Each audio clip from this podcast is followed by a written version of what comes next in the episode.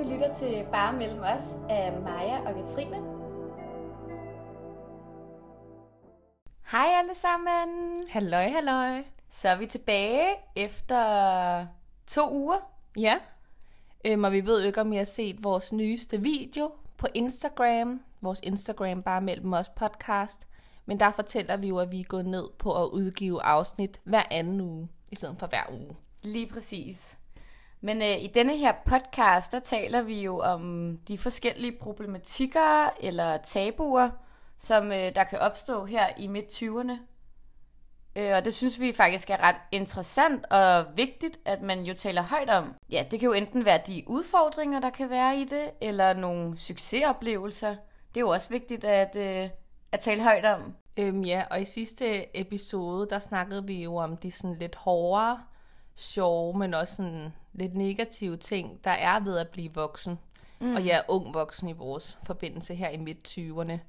Men i dag, der skal vi faktisk snakke om nogle af de gode ting, der, der opstår ved at blive voksen. Så det glæder vi os rigtig meget til. Mm. Og øhm, altså bare lige i den forbindelse, så kan jeg da fortælle en lidt voksen ting, kan man godt sige. Mm. At øh, jeg har fået mit første rigtige studierelevante arbejde. Whoop, whoop. Woohoo! Øhm, og der havde jeg første arbejdsdag i tirsdags. Ja, hvordan var det? Mm, det var rigtig godt. Det var jo, det er jo lidt hårdt at starte et nyt arbejde. Men øh, nu er det endelig noget, som jeg faktisk kan bruge, både fra mit studie af jo. Altså alt det teori, man har siddet og læst, det kan jeg faktisk se nu i praksis, hvordan det fungerer. Og det er hos et øh, advokathus. Jeg er blevet studentermedhjælper. Så det er også... Øh, det er noget lidt andet, end det, jeg har haft før. Men jeg føler selv, det er en meget voksen ting på den måde. Ja, virkelig have noget, der relaterer sig så meget til den uddannelse, man er i gang med.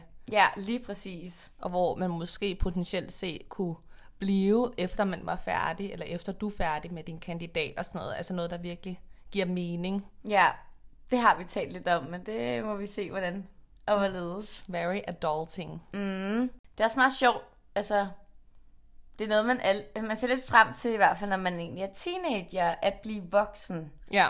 Og det med at kunne bestemme over sig selv.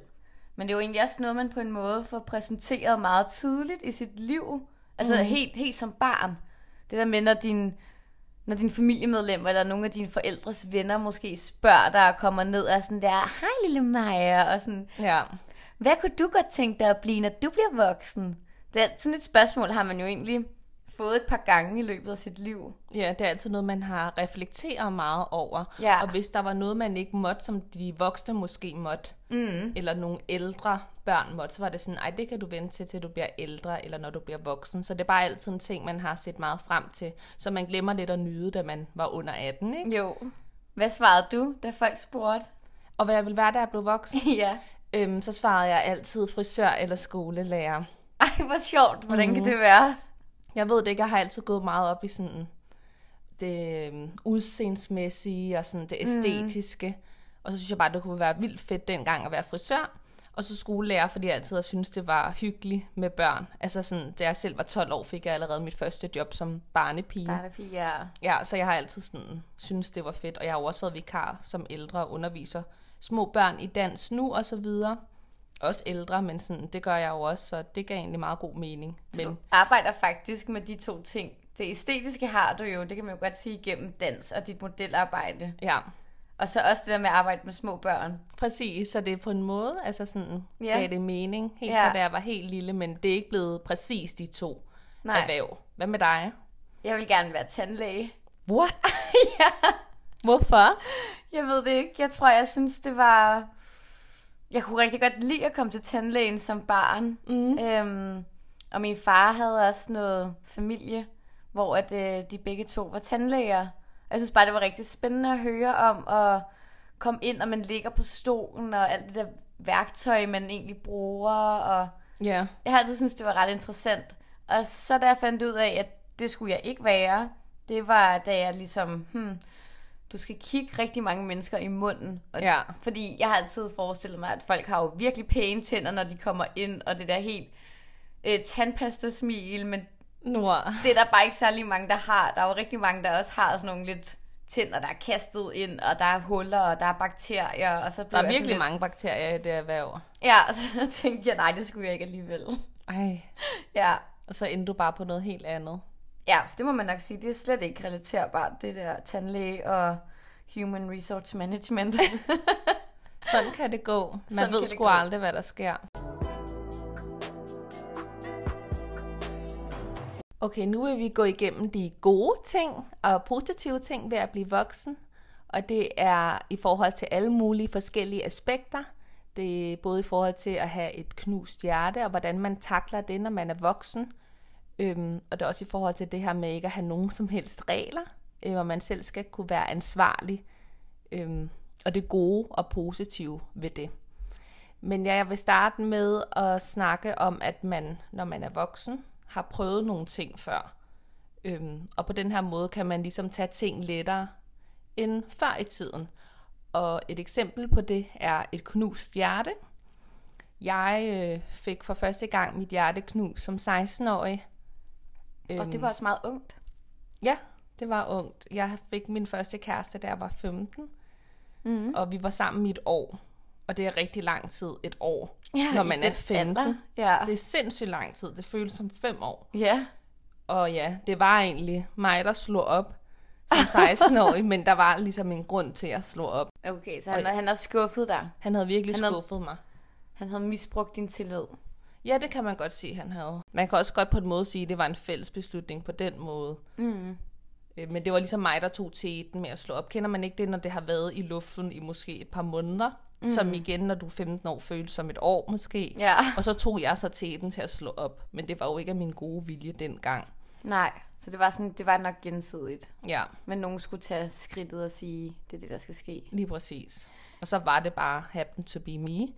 Og jeg var bare ked af det i så lang tid. Og jeg græd, og Følelsen af, verden bliver aldrig det samme igen. Præcis, altså sådan, jeg bliver aldrig glad nogensinde igen. Jeg vil altid være ked af det. Jeg får aldrig oplevet kærligheden igen. Jeg møder aldrig en ny. Ja, Det her, det var bare det. Nu er det slut som 16-årig. får aldrig en kæreste. Ja, præcis. Sådan helt nede. Hvor at da jeg igen var mm, 20 år, Mm. der var jeg øh, i, der slog jeg igen op med en kæreste. Og det var igen gensidigt. Vi skulle slå op. Ah, Men jeg okay. tog igen til den agtig, ikke? Altså, hvis det giver mening. Det var ligesom Ja. mig, der turde gøre det, og jeg ved ikke, om det er en pige-ting. Jeg synes bare tit, det sker inden for sådan det kvindelige køn, men det kan jeg selvfølgelig ikke sige, vel? Nej. Men ja, jeg tog bare til den, og jeg var 20 år, men jeg var ret rationel på det tidspunkt, for jeg var sådan, jeg skal ikke være sammen med ham her længere. Jeg er fucking ked af det. Vi har været sammen i tre år, men jeg skal nok komme over det. Jeg havde været sammen i tre år alligevel. Ja, to og et halvt år måske. Ja. Mm. Og det er alligevel nogle ret lange forhold, du har haft i en sådan ung alder, eller hvad skal man sige? Ja, det er, det er virkelig lang tid. Mm. Jeg har haft kærester, øh, og det startede også i en tidlig alder. Men jeg tror bare i forhold til det der andet heartbreak, jeg så havde som 20-årig, fire år efter mit første heartbreak, der var jeg selvfølgelig mega ked af det og nede. Men jeg kunne godt være rationel og tænke sådan, det skal nok gå. Jeg skal nok komme over det her. Jeg skal nok finde en anden en dag, som passer bedre til mig. Mm. Så det var ligesom den her erfaring, jeg havde øh, fra at få knust mit hjerte som teenager, versus at få knust mit hjerte som voksen. Ja. Øhm, så det er jo en god ting ved at blive voksen, er, at jeg ligesom har prøvet det før, ikke? Jo, det er rigtigt nok. Ja. Jeg fik også knust et hjerte engang som teenager. Hvor gammel var du? Mm, jeg gik i sådan noget 8. klasse, tror jeg. Ja. Og det gjorde ondt. Men fordi at jeg var så ung, så tror jeg ikke, at det gjorde mere ondt end det, fordi vi var, du ved, det var jo ikke en ægte, føler jeg, first love. Altså jo, vi var glade for hinanden, og var kærester og alt det der, men det var ikke sådan, at verden ville gå under. Mm. Jeg var bare rigtig ked af det i et stykke tid, og så gik det lidt over. Versus da jeg her for fem år siden mistede en kæreste, eller blev slået op med, ah, altså han slog op med mig, der tænkte jeg for fem år siden, mit liv kommer aldrig til at ko- gå videre igen. Ja, så det Så var sådan faktisk ikke, du er blevet voksen. Nej, men fordi jeg tror, jeg var for tilfælde. ung der. ja. Jeg tror, jeg var for ung i 8. klasse til, at, at du ved, de slags følelser, jeg havde med, med min kæreste, min ekskæreste for fem år siden, var bare mere voksent og mere sådan moden, tror jeg. Men jeg har jo lært rigtig meget af det, og jeg tror også, hvis jeg en dag med, med Victor, at vi 7-9-13 ikke skulle være sammen mere, så tror jeg helt klart, at jeg kan trække på nogle værktøjer fra den gang, for fem år siden. Ja. Giver det mening? Det giver rigtig god mening. Øhm, der er også en forskel på, at du var 14 år, da du mm. første gang fik knust dit hjerte, og jeg var 16. Altså ja. sådan, de to år gør rigtig meget. Ja, det gør det nok. En forskel. Ja, så jeg vil måske våge at påstå, at du måske har prøvet altså det andet heartbreak, du havde som 20-årig, mm. at det måske var lidt mere ægte end det første, og du så for første gang oplevede de rigtige følelser der. Ja, det tror jeg nemlig også, ja. Men selvfølgelig, jo, det der i 8. klasse var der også, det gjorde da også ondt, men igen, det var bare ikke sådan nok helt ægte inderst inde, som, som for fem år siden, ikke? Ja, ja, det giver god mening. Så hvis det sker igen, så vil det forhåbentlig tage lettere på dig. 100 procent, ja. Ej, det skal det nok. Jeg har faktisk en, en del veninder, der har oplevet heartbreaks her for tiden. Jeg ved ikke helt, hvad der foregår. Ja. Øhm, men en af dem, hun, hun er virkelig også ked af det lige nu. Og har ikke prøvet nogensinde før at få knust sit hjerte. Ej, så skal hun jo prøve det for første gang. Ja, hun nu, er ikke selvom hun er voksen. Det er det. Ja. Som 25-årig og første gang at få knust sit hjerte, der vender jeg den jo også bare om og siger til hende, hvor du heldig, du ikke har prøvet det før. Altså. Ja. Men så fordi man netop har prøvet det, og en rimelig voldsom tur af slagsen, så kan man jo så hjælpe og prøve at sige, hvordan tingene nok skal gå igen, eller blive godt igen. Altså, hun skal jo nok finde en ny kæreste en dag, selvom alt virker så sort lige nu. Ja, det er virkelig, når man er i det, så kan man slet ikke altså, forestille sig, mm. at man mm. får en ny ja. fyr. Ja, 100 procent. Men så må du bare ja, trække på din erfaring. Ja. Og hjælpe så godt man kan. Et andet eksempel på, at erfaring kan gøre ting lettere, øhm, det er, at jeg i gymnasiet var til min første eksamen. Og det var i kemi. Og der fik jeg 02. Og det giver god mening, at jeg fik 02, for det giver ikke nogen mening for mig at med kemi. Nej. Men jeg var så ked af det bagefter. Jeg græd og græd, og var bare sådan helt nede over, at jeg havde fået 02. Mm, det altså, er som om, det hele verden bryder lige sammen der. Den brød virkelig sammen, og jeg forstod det ikke og sådan noget. Altså. altså bare fordi en karakter kan man nogle gange komme til at tage lidt for personligt. Ja, sådan er det mig, du giver 02. Præcis. Altså, det er ikke kun de 20 minutter, jeg har været inde og du baserer det på. Det er bare hele mig, tænker man jo, ikke? Ej, jeg var så ked af det. Øhm, men så her på uni, så fik jeg også 02 i en øhm, eksamen. Og så, øh, så var jeg egentlig lidt ligeglad. Altså sådan, ja, det var da irriterende, men jeg havde det sådan lidt, okay, det er bare en karakter. Ja. Altså sådan, det er jo ikke mig. Nej. Hvis jeg, lad os sige, at jeg fik 02 i alt på uni, så var jeg nok blevet lidt ked af det og skuffet. Men så var det nok bare ikke en uddannelse for mig. Det er jo det. Men jeg ja. havde det sådan lidt, jeg klarer mig egentlig meget fint, og at jeg bare lige har fået et 02 bestået mm. karakter. Det er, hvad det er. Op på hesten. Og jeg kan bare huske min far, dengang jeg startede på, eller men vi startede på uni, at han var sådan lidt, universitetet går ikke lige så meget ud på, hvad for en slags karakter man får. Men det er mere det med, at du skal bare have din ECTS point.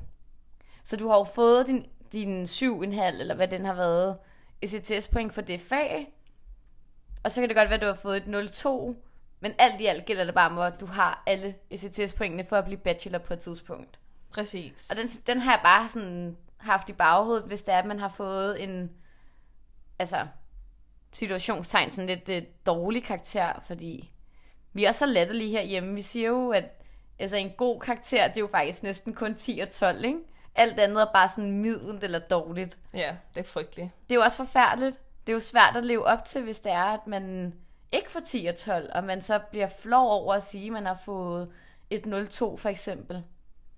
Men der er det jo godt, du har kunne trække på din, din tidligere erfaring, og kunne være lidt mere måske ligeglad med det hele.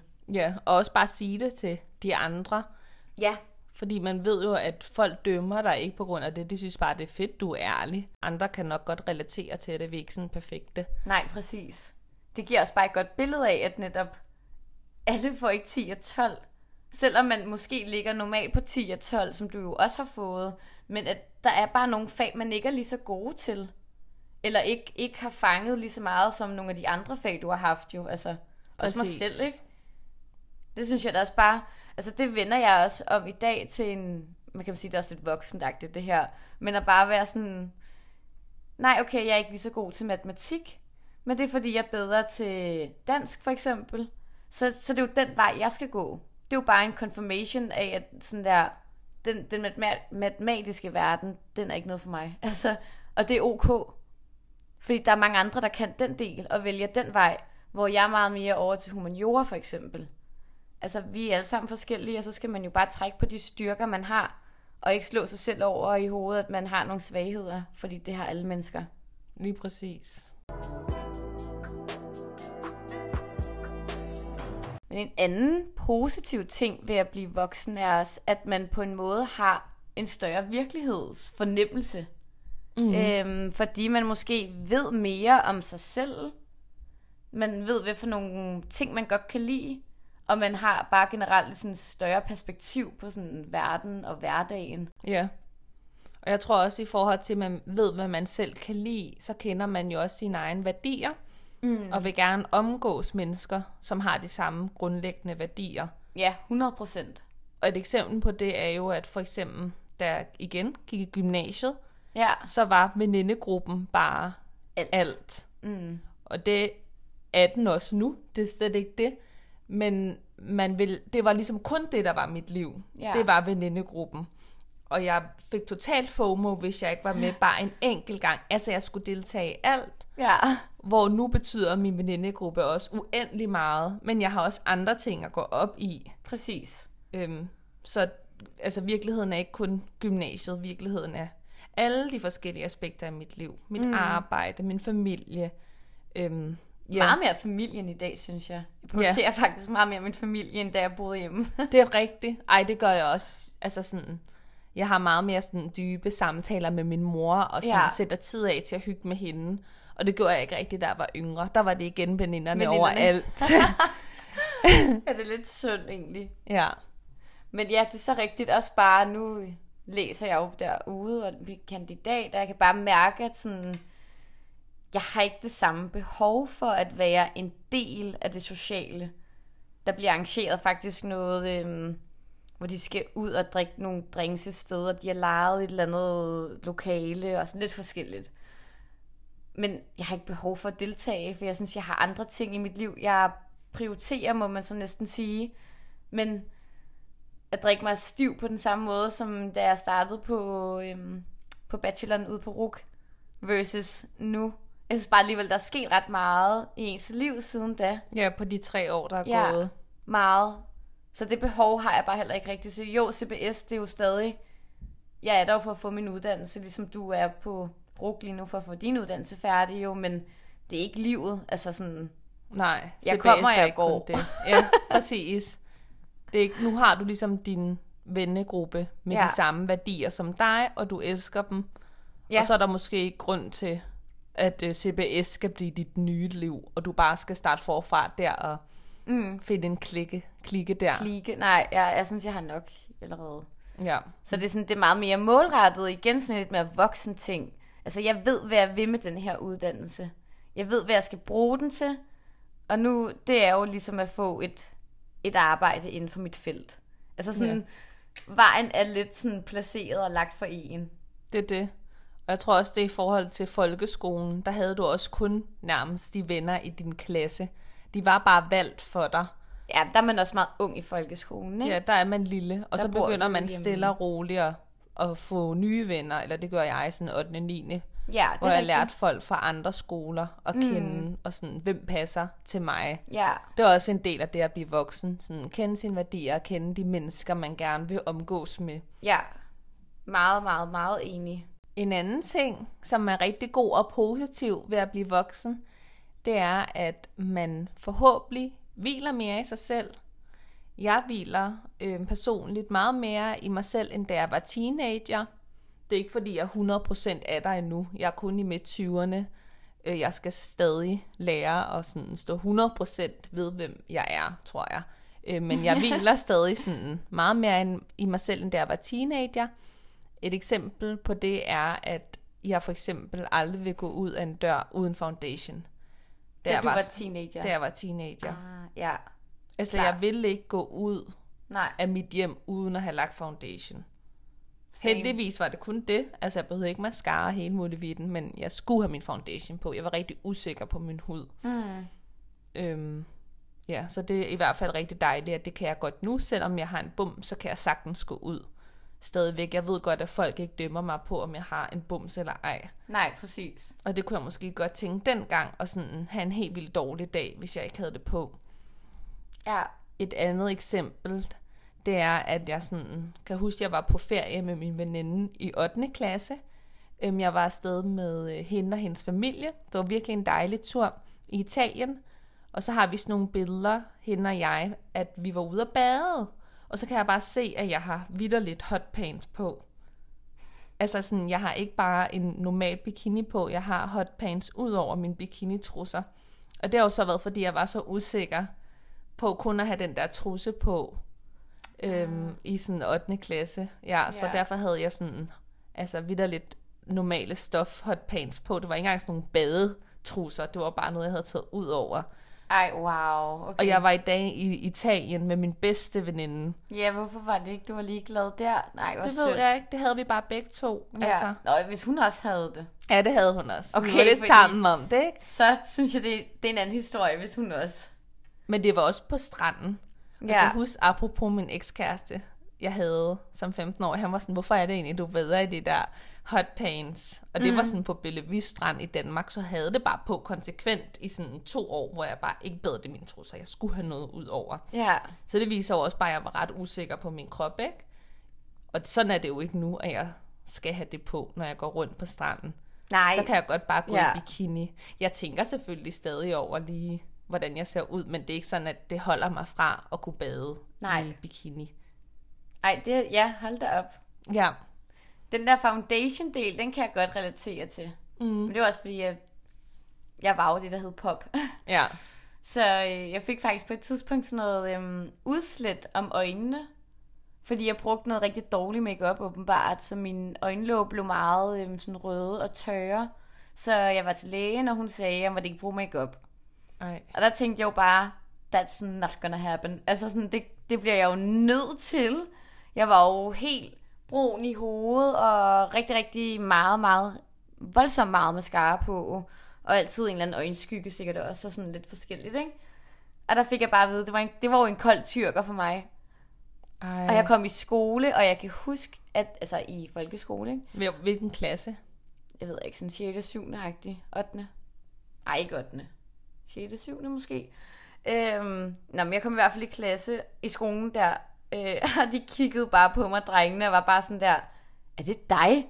Fordi de kunne slet ikke genkende mig næsten, uden min, alt min makeup i hovedet. Det er også bare sådan noget, der virkelig gør en usikker. What? Ja, men heldigt, jeg kunne ikke gøre noget jo. Nej, det er, hvad det er. Ja, jeg havde heldigvis nogle ret gode venner og sådan på skolen, så jeg var også lidt mere sådan whatever, men jeg synes godt nok, den første dag, den var led. Også bare når alle kigger på en. Man gider bare ikke have det opmærksomhed, når Nej. man er lille. Man vil bare gerne blende ind i mængden. Fuldstændig, ja. Så lad være med at kigge så meget på mig og ja. spørge mig om alle de spørgsmål. Ja, det er også en meget sjov ting ved at blive voksen eller ældre. Det der med at blende ind. Altså i dag vil man jo faktisk gerne skille sig ud. Ja. I dag vil vi gerne gøre noget, der ligesom definerer, hvem er, hvem er mig, ikke? Jo, præcis. Man gider ikke bare være basic. Nej. Men, ja. men man vil samtidig gerne være en del af flokken. Ja, man vil ikke sådan skille sig 100% ud. Nej. Men man skal have et eller andet sådan kendetegn ved sig selv. Ja, jeg har også på et tidspunkt hørt, at vi er jo flokdyr. Vi vil jo dø alene i naturen, ikke? Man har jo brug for andre mennesker omkring sig, så ja. man vil aldrig være udstødt. Det er også derfor, for eksempel mobning gør så ondt. Mm. Fordi man har bare rent biologisk brug for andre mennesker i sit liv. Så man vil gerne sådan skille sig ud og blive lagt mærke til, mm. men stadig være en del af, af de andre. Af de andre. Det er så rigtigt. Det der med badetøjet, som du nævnte, der kan jeg også godt relatere faktisk til det. Jeg var ret sådan tidlig til at få bryster. tidlig udviklet. Tidlig udviklet. øh, og det var jo noget, der gav ret meget opmærksomhed over for drengene. Øhm, så når vi skulle bade, og med, altså også bare med mine piger og sådan noget, for jeg var en af sådan, jeg var ret hurtig til at blive udviklet på den måde. Der følte jeg mig også altid meget sådan utilpas med, at når jeg havde en bikini overdel på, eller en badedragt, eller hvad man havde på, ikke? at du ved, ligesom det bulede ud deroppe. Og det gjorde det jo ikke på de andre. Så det der med at blende ind, og jeg ville jo ligne de andre, men det gjorde jeg jo ikke. Og den dag i dag har jeg jo også talt med dem om det, og de var jo sådan, de ville jo ønske, de lignede mig på det tidspunkt, og de synes jo selv, at de lignede nogle små piger. Selv, og vi var jo små, hvad vi gik i udskoling, ikke? I Ja. ja. folkeskolen. Så, men ja, det kender jeg godt mere. Jeg kan ikke huske, hvad jeg ægte sådan gjorde ved det. Jeg tror ikke, jeg badede ikke i t-shirts og sådan noget. Nej. Jeg var bare usikker på det. Jeg tror sikkert, det var sådan noget med, at man gik ned til vandet, og så tog man hurtigt bare sin, sin kjole af, eller eller andet, og så ned og bade, og så op igen, eller sådan gemme sig under vandet, så det kun var hovedet, der var over, eller sådan. Ja, det er aldrig fedt at være den første, selvom de andre piger sikkert kunne misunde dig. Ja, Så det ja, er bare altid sikkert. svært at, at være den første til noget i den alder. Men også da jeg gik i folkeskole, så havde vi øh, jo selvfølgelig pigebad og drengebad. Men det var jo også noget med, selvom vi er så små piger, men man kigger jo på hinanden, og ikke fordi man dømmer hinanden, men når jeg står der som en af de meget få måske med bryster, altså udviklede bryster i den alder, så kiggede de andre piger jo. Ja. Og det har helt sikkert ikke været ondt med en. Der har nok været noget misundelse indenover, men man følte jo bare, at det var sådan de der forkerte øjne, man fik på sig. Så jeg var meget sådan selvbevidst med ligesom at klæde om ind mod lokkeren, eller skabet, ikke? Altså sådan ikke stå mm. sådan og tale med de andre, imens man klædte om. Ja, Det kan, altså det kan jeg super usikker godt relatere til. Mm. Jeg havde fællesbad. ja. Hvad fanden er det jeg, også for noget? Jeg kan faktisk stadig ikke lide fællesbad. Det kan jeg ikke. Ej, hvorfor? Jeg har aldrig brudt mig om det. Jeg kan mere takle det nu, men jeg bryder mig ikke om det. Nej. Jeg kunne ikke lide det i folkeren og gå der i bad sammen med alle andre, og jeg prøvede altid at være mega langsom, så jeg var sådan den sidste i badet alene. Nå. Ja, ej, jeg havde det bare. Ja, Det synes jeg også var sådan, fordi man var usikker på sin krop og sådan noget, så jeg synes, det var mega svært bare at stå helt blottet, helt Ja. nøgen foran 50 andre piger. Altså det Det synes jeg lidt- bare. Jeg synes også, hvorfor har man ikke båse? Nå, men på den anden side ved jeg også nogen, der sikkert kommer til at tænke derude, at, At vi det er bare sundt. kvinder, og vi skal jo se hinanden fra... Vi er forskellige, så der, skal jo ikke, der er jo ikke et ideal Ja. i princippet. Ja, og jeg synes også, det er helt okay at have den følelse som lille, at man faktisk er lidt usikker på sig selv, og måske bare ikke lige mm. har lyst til at stå midt i puberteten foran alle andre, når man faktisk selv skal vende sig til en stor forandring i ens krop. Også den del. Det kommer man altså godt lige til at tage hensyn til. Ja. Men sådan rimelig meget i forlængelse af nogle af de ting, vi lige har nævnt, så, så går det jo op for en, at man har nogle andre ting, man prioriterer eller går op i i dag, i forhold til de her teenageår, vi havde. Ja. Øhm, altså for eksempel så vil jeg meget hellere sådan hygge med mine veninder en fredag aften, lørdag aften, hvor vi bare sidder sammen, og man har lavet noget mad, og man får talt sammen, end at jeg vil på en natklub i dag. Ja. Altså, fordi dengang vi gik i gymnasiet, i hvert fald mine piger og jeg, så hed det jo bare, vi skulle mødes, lige spise en lille mad sammen, høvle drinks i os, og så skulle vi bare i byen og feste. Så jo, selvfølgelig fik man også talt sammen, men jeg synes i dag er det på en meget mere sådan afslappet måde. Og jeg nyder det meget mere i dag. at sådan faktisk få spurgt ordentligt ind til hinanden. Ikke bare den der overfladiske med, hvordan har du det, eller sådan. Men man faktisk kommer mere ind på hinanden. Ja, den del synes jeg faktisk er ret fantastisk ved at blive lidt mere voksen. Mm. Og det er ikke fordi, vi ikke drikker. Det er ikke fordi, vi er kedelige. Altså, vi drikker jo stadig, og vi tager også ud og kan også godt tage på bremen og sådan nogle ting. Men det er bare ikke den der arch der ud af mere. Nej, Den er lidt færdig for mit vedkommende i hvert fald. den kan jeg virkelig godt relatere til. Jeg tror, at mine veninder og jeg, vi er nok sammen en gang om ugen cirka i weekenderne. Og sådan den ene uge, så plejer vi at være sammen sådan en hel aften, enten på café, hvor vi drikker et par drinks, mm. med et sted, hvor man kan snakke sammen. Altså ikke sådan noget med høj musik, hvor vi sidder i mange timer. Eller så er vi hjemme hos en og laver mad. Mm. Men nogle gange, så øh, mødes vi også, og, øh, og så har vi for eksempel middag, opvarmning og byen Ja. hvor vi stadig sådan Hvad godt... byen? Det kan godt være Arch. Eller Så- okay. museum. Ja, ja, vi kan sagtens stadig finde på at tage derhen. Men ligesom dig, så mødes vi ikke, som man gjorde, da man var yngre. Mm. Klokken 9. Skynder sig at få drinks ned, og så er afsted klokken 11. Altså nu mødes vi for eksempel klokken 7, og så spiser vi en god middag, drikker, og så tager vi ud. Altså det er ikke bare sådan, at vi mødes til en opvarmning og bare bliver mega stive hurtigt. Altså vi Nej. har stadig sådan en ædru samtale først, Ja, som er man meget hygge. prioriteret. Ja. Og Ja. det var man faktisk ligeglad med før. Altså sådan at, at sidde og sådan Mm, er rigtigt spise sammen. Eller, altså, jeg tror ikke engang, jeg spiste så meget inden. Jeg skulle bare ud. Ja, det var også sådan lidt økonomisk ikke at spise så meget, for så blev du hurtigere fuld. Ja, præcis. Og jeg havde ikke altid råd til både en middag og alkohol. Jeg måtte ligesom prioritere den gang, ikke? Ja. Jamen, det er frygteligt.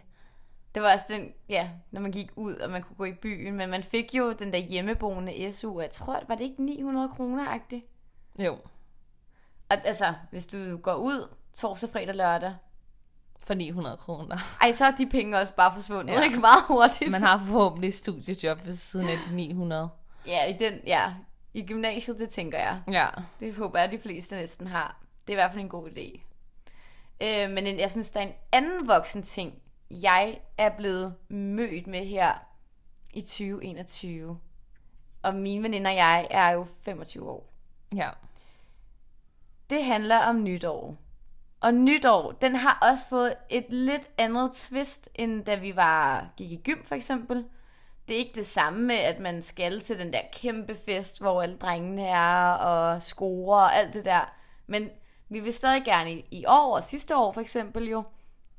Altså man mødes, og man laver mad, og man hygger og får drinks, men stadig også fest, ikke? Mm. Altså det, det hører stadig med. Vi er stadig unge på en Ja, måde. man tager stadig til fest. Selvfølgelig. Men øh, der fortalte min veninde mig faktisk, at hende og hendes kæreste, de øh, tager til Paris på kærestetur nytår. Cute. Og det er jo mega cute, og jeg tænkte jo også, ej hvor lyder det fantastisk. Men det gik også bare op for mig. Det er egentlig også en, det er en ny ting, det er en ny virkelighed, vi også står over for, at vores veninder nu prioriterer deres kærester for at holde nytår med dem på en kærestetur i Paris. Det er meget voksent. Mega romantic, den er med på, men det er meget voksent. Det er sådan noget, at min mors altså, kærestepar har gjort. Altså, det er sådan virkelig en voksen ting Ja, at gøre, er. når sådan ens børn er flyttet hjemmefra. Det Det. Og man så bare skal hygge sig med sin partner. Ja, det synes jeg er lidt vildt, men, øhm, men det er også kun dejligt, altså. Det lyder så lækkert at være i Paris og bare sidde på en restaurant og se fyrværkeriet. Ja, det er der jo ikke i Paris. Nå, okay. Der er laser, hvis nok. Nå, så se lasershow. Ja, og, øh, og Eiffeltårnet, der er jo glitre og alt Ja, muligt så smukt. Ja, det lyder jo super fantastisk, men det var bare sådan der, okay, shit, der røg en. Altså sådan, Ja, ja.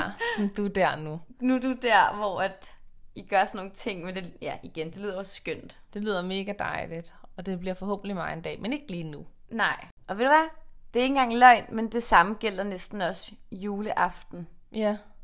Jeg er jo vokset op med min mor og far selvfølgelig, og min bror, storebror. Øh, vi har altid holdt jul sammen. Altså lige siden vi var helt bitte små, Andreas og jeg. Men øh, det her er første gang også 2021. Jeg ved ikke, hvad der sker i år. Men øh, han skal holde jul med sin kæreste. Og det er også en voksen ting. Så ikke længere med familien. Nu er det ikke... med- Nej, det er faktisk så med hendes familie. Ja, så ikke længere med din familie. Præcis. Så øh, han skal enten til Mexico eller, eller Frankrig, tror jeg nok. Okay, to meget forskellige steder. Ja, Men luksus, hvis det bliver mm. Mexico, ej. Ja. Også Paris, det er også lækkert. men så er de øh, blevet inviteret med af, af hendes familie. Og det har Andreas sagt ja til, det vil han gerne. Men det er igen sådan, hvor, wow, der sker mange ting lige nu.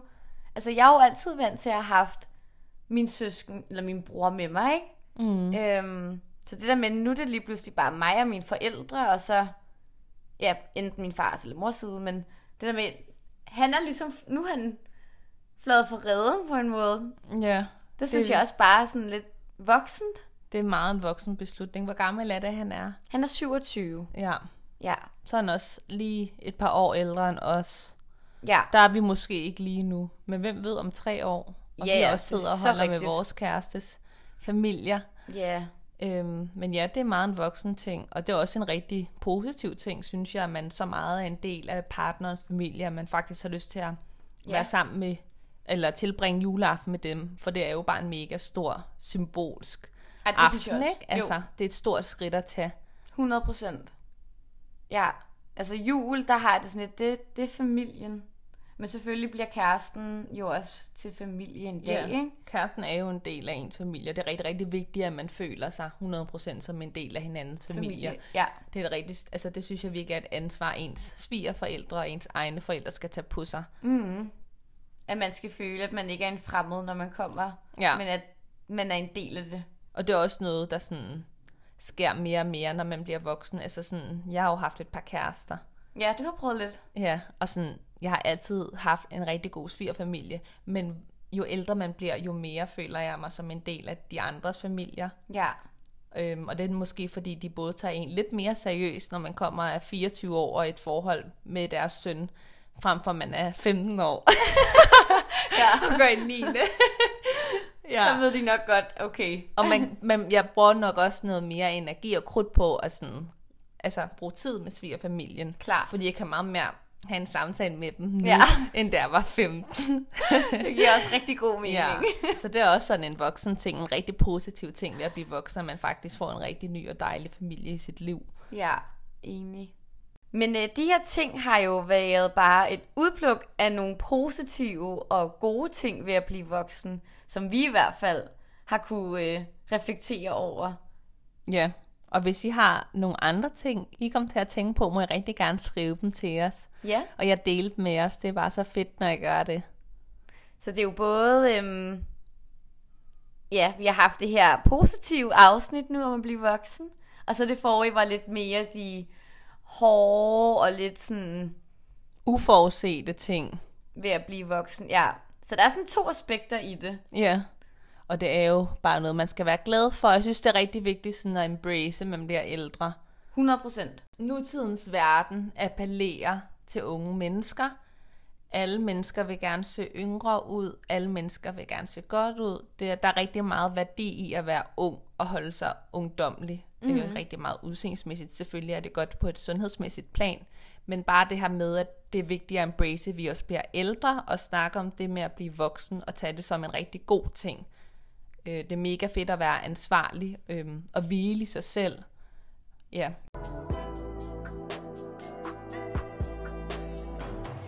Så er vi nået videre til ugens trend. Woohoo! og det er denne her gang, man kan, altså okay, OMG. Jeg siger bare lige hurtigt lidt, så skal du gætte, hvad det er. Okay, som om jeg ikke ved det. Hvis man har gået igennem Nørreport fra S-toget til metroen, så ved I, hvad vi snakker om på den plakat, som er over det hele, og hvor musikken spiller i højtalerne på alle stationer. Yes. Det er James Bond. Det er den nye Bond. Den er jo kommet ud. Halleluja. 30. september 2021. Men jeg elsker jo James Bond. Maja, det er noget af det mest. Jeg synes, det er et skønt univers. Jeg elsker, at det er en mand, der er i smoking og næsten redder hele verden. og bare har de her smukke damer og lækre biler og lækre uger og fede gadgets og sådan noget. Altså, det, jeg elsker James Bond. mm, Hvad er dit forhold til James Bond? det er minimalt. Øhm, jeg har været inde og se James Bond, fordi jeg var inviteret til premieren for nogle år siden. Måske sådan der syv år siden eller sådan noget. I. Imperial. Øhm, Så du var et barn? Ej, okay, jeg var ikke et barn dengang. Du var young. jeg var i slut, jeg var måske 18 eller sådan noget. Ja, men... Ja, men der var, okay, 6 år siden, da jeg var 18. Okay. Øhm, og ja, hvor vi fik mad og sådan noget. Det var en mega fed oplevelse, men filmen siger mig altså ikke det store. Men hvor mange James Bond-film har du set? Kun den. And that's why. Og det er det, det er baseret på, det jeg ved. Jeg har ikke været inde og se den nyeste James Bond, som du har, som du vil fortælle om din oplevelse lige om lidt. Vi har ikke snakket om det her inden, så jeg ved ikke, hvad din oplevelse har været af den nyeste. Men den her film for seks år siden, jeg så James Bond-film, den sagde mig ikke så meget. Men det er også, fordi jeg ikke er så meget til action. Nej, okay. Så sådan, genren er ikke så meget mig. Men ja, hvordan var det at se den her film? Den nyeste James Bond-film. No Time to Die. No Time to Die, ja. Ja. Tak. Og den, den titelsang har I nok også hørt med Billie Eilish. Ja. Men hvordan var selve filmen? Jamen, den er sindssygt god. Jeg synes faktisk, den var vanvittig god. Mm. Men jeg, jeg, jeg er bange for at sige for meget og for lidt. Det eneste, jeg kan sige, det er bare, at jeg synes, filmen, ja, den var nøjeren god, og at øhm, den adskiller sig en smule fra den traditionelle James Bond. Okay, hvordan? Jamen, øhm, jeg synes, denne her James Bond, vi ser i No Time to Die, er mere romantisk på en måde. Hvordan skal jeg sige det? Øhm, jeg føler faktisk, at han er blevet voksen. jeg føler, at han har modnet sig, og øh, jeg prioriterer lidt anderledes nu. Har fået nogle nye værdier i sit liv. Hvis man har set den forrige film, så øhm, måske noget med en slags kæreste. Ja, i stedet for bare at nedlægge dame efter dame og være sådan lidt kold i det. Ja, han er ikke på den måde pussy hunter.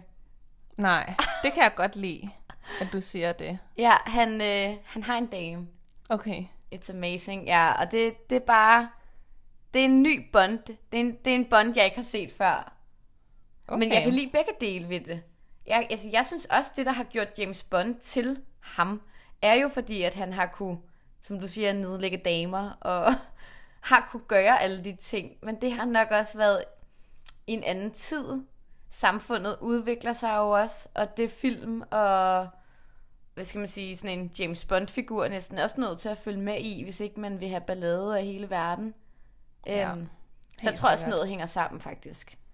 Men øhm, det her var jo faktisk Daniel Craigs sidste Bond-film som James Bond. Bond. Øhm, og jeg ved, at der er lidt sådan delte meninger og holdninger omkring det. Nogle var en tilhænger af James Bond, øh, Daniel Craig som James Bond, og andre synes, at han var han ikke levede op til den kvalitet, James Bond normalt har haft. Mm. Sådan er det jo altid. Altså, der er altid haters. Altid haters, men jeg vil klart sige, at jeg er en Daniel Craig tilhænger. Jeg synes altså, at han gjorde det rigtig, rigtig godt. Jeg kan ikke huske, hvor mange film det nu er. Det er også lidt irriterende. Er det fem, måske, han har lavet som James Bond? Mm. Noget af den du er i hvert fald. Ja, han har været med de sidste gange. Ja. Men apropos det her med, at James Bond skal leve lidt mere op til, øh, til tiden, Mm. og det har der været rigtig, rigtig meget kritik på i medierne, at der ikke er, altså for eksempel har der aldrig været en sort James Bond, øhm, så det synes jeg måske godt, at der kunne tage at komme i den nye film. Nu vil jeg jo ikke spoile noget. Men øh, jeg synes, Maja, at du skal ind og se den. Så kunne det være noget af det, du nævnte der, var... Nej, men jeg ved med? godt, der er en agent, der er sort. Nå, okay. som er kvinde. Jeg Ja. har set plakaten, men jeg mener, at selve altså frontfiguren godt kunne tage at blive en sort Ja. skuespiller næste gang. Eventuelt Idris Elba. Det har da også været sådan. Ja. Der er mange, der har stemt for, han er jo bare for sindssyg. Han vil være så god i rollen. Mm. Øhm, men bare ja, måske lidt mere fokus på noget queer eller et eller andet. Jeg synes bare, når man har at James Bond, der bare sådan lægger sådan en standard, at det er noget hele verden kender til, så synes jeg også, at det bare det kunne være mega fedt, hvis de fik inkluderet nogle flere minoriteter Ja, i deres film. Ja, og det synes jeg godt, at næste år kunne være tiden til. Det kunne det også så meget have været her i 2021. Altså, Ja, men øhm, kom lige lidt med det. Så tror Ja, jeg måske, jeg hellere vil se det. filmen, eller sådan James Bond som film, er jo egentlig en ret stor og god platform at Lige bruge præcis. til at række ud og vise, og som du siger, at måske tage flere minoritetsgrupper med i det, i stedet for, at det altid bare er den hvide mand, der er James Bond, der Ja. tror den hvide dame. Præcis, der er aldrig noget andet. Altså sådan, kom nu lidt. Ja, men øhm, det var ugens trend. ja. Hvad vil du rate den på bare mellem os? Skalaen Skalaen. fra 1 til 10. Den vil jeg helt klart. James Bond, No Time to Die. Og jeg ved godt, at vi lige har talt om det her med, altså, ja, minoritetsgrupper og sådan noget. Men der er lidt med i den her. Men jeg kunne rigtig godt lide den. Jeg synes, der var, det var et godt twist. Det var en anderledes Bond. Øhm, så jeg giver den en 10'er. Okay, Wow. hold da op. Ja, og jeg græd, da jeg så filmen. Okay, men så er det vel en anbefaling herfra at tage ind og se den. Lige præcis. Så hvis ikke du har set den derude, kære lytter, hop i biografen. Støt også lige biograferne. De har haft det hårdt. Ja, det er rigtigt. Støt Og- de danske biografer. Nok ikke den film har det hårdt, men ja. Ja, Den danske biograf. Men de danske biografer rundt omkring. Og lad være med at være den type, der går i fucking netto og køber noget slik. Støt dem. Køb det op i deres slikafdeling. Kom nu lidt, vennerne. Vi skal lige tilbage. Yes. Godt så. Okay, men øhm, tak fordi I, øh, I lyttede med til dette uges afsnit. Vi ses igen om to uger. Lige præcis. Og hvis I kunne lide, hvad I hørte, så please giv os en anmeldelse. Det betyder så meget og hjælper os rigtig meget. Ja, gå ind og rate os på de forskellige platforme, I bruger. Apple og Spotify. Præcis. Hej hej! Hej hej!